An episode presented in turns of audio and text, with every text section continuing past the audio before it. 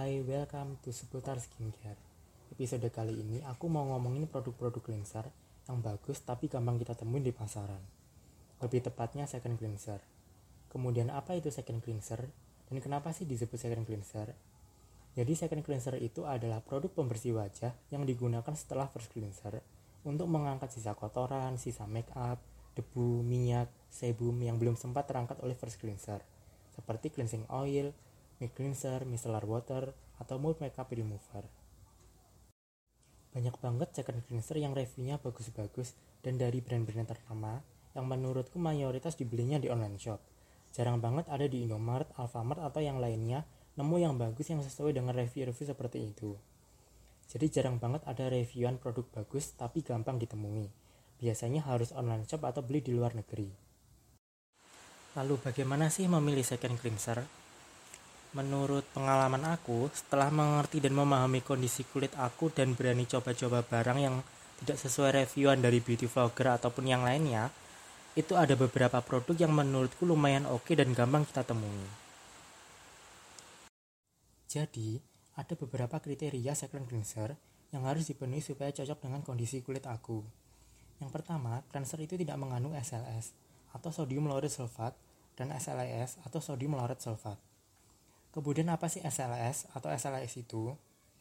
Mereka adalah bahan atau zat aktif yang sering terkandung dalam produk perawatan tubuh, seperti pasta gigi, shampoo, sabun, dan beberapa skincare lainnya yang tujuannya sebagai pembersih dan untuk membuat busa. Jadi kalau ada kedua zat aktif itu, membuat kulitku lebih kering, lebih ketarik, dan lebih gampang berjerawat. Yang penting nggak ada kedua zat itu sudah aman biasanya.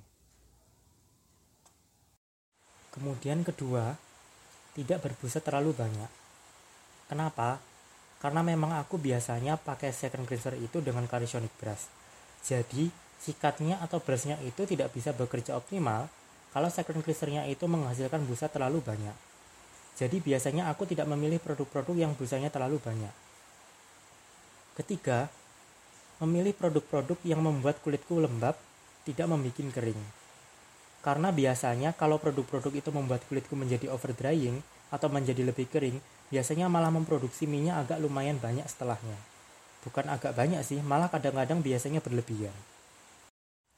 Jadi produk-produk yang cocok dengan kondisi kulit aku harus seperti itu tidak mengandung SLS atau SLES, tidak berbusa terlalu banyak, dan memilih produk-produk yang membuat kulitku menjadi lembab dan tidak membuat kulitku menjadi kering. Apa aja produknya? Ini nanti produk-produknya gampang kok ditemui. Jadi ada kayak di Giant, Transmart, ataupun Hypermart. Yang pertama adalah dari L'Oreal. Aku suka produk mereka L'Oreal. Jadi ada dua, L'Oreal Revitalift dan L'Oreal yang World Perfect Extraordinary Whip.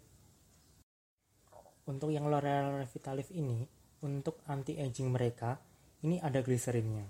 Jadi sangat-sangat melembabkan. Kalau kayak dipakai ke kulit tuh busanya tidak terlalu banyak, lembut, dan ketika dibilas kulit itu menjadi tidak terlalu kering, tetap lembut dan lembab. Jadi enak banget itu. Jadi kalau kondisi kulit kamu kering atau kamu tidak suka sesuatu yang membuat kulit kamu jadi kering, coba ini, ini enak banget. Kemudian L'Oreal World Perfect Extraordinary Whip ini busanya sedikit banyak daripada L'Oreal yang Vitalif. Untuk mengangkat minyaknya agak lumayan kencang, tapi bukan tipikal yang bikin kulit overdrying itu enggak. Masih tetap nyaman. Ini kalau dipakai kayak habis olahraga atau nge-gym, ini enak banget dipakai pas itu. Yang kedua, dari produknya Pond's X Miracle. Ini ada retinil palmitatnya, jadi kayak sejenis retinoid gitu. Cuma aku juga tidak berharap terlalu banyak untuk produk cleanser yang ada retinoidnya. Lagian cuma dipakai beberapa menit di wajah, jadi nggak mungkin juga itu bisa bekerja optimal. Namun, karena sudah ada di produknya, kita perlu hargain itu. Kemudian ini enak banget, karena ada scrubnya yang kecil-kecil, tidak terlalu bikin kulit kayak kegosok gitu enggak. Tidak bikin iritasi, tetap lembut dan bersihnya juga dapat. Kalau kamu tidak suka produk-produk yang terlalu melembabkan, ini cocok banget. Karena kan kadang persepsi orang itu kalau habis cuci muka dan kulitnya tuh masih lembab kan kayak rasanya kurang bersih gitu kan ya. Jadi definisi bersih itu untuk kebanyakan orang itu kayak yang keset, yang kayak yang habis cuci piring tangannya itu gitu kan ya biasanya. Nah, ini tuh di tengah-tengah.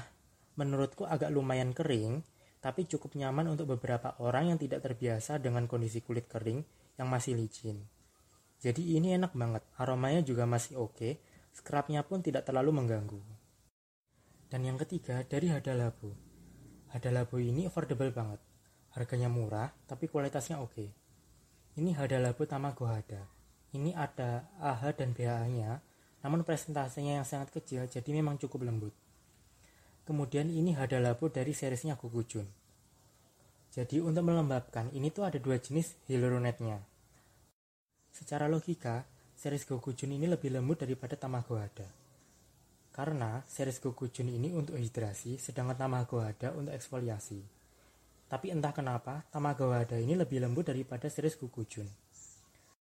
Series Gugujun ini menurutku justru agak lumayan untuk mengangkat minyaknya. Agak lumayan bikin kering, walaupun nggak kering-kering banget. Sedangkan tamago ada ini tuh lembut. Busanya tidak terlalu banyak. Bikin kulit wajah tuh halus banget gitu dipakainya.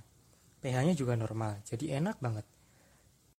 Jadi itu tadi rekomendasi beberapa second cleanser. Semoga dapat membantu dan bermanfaat.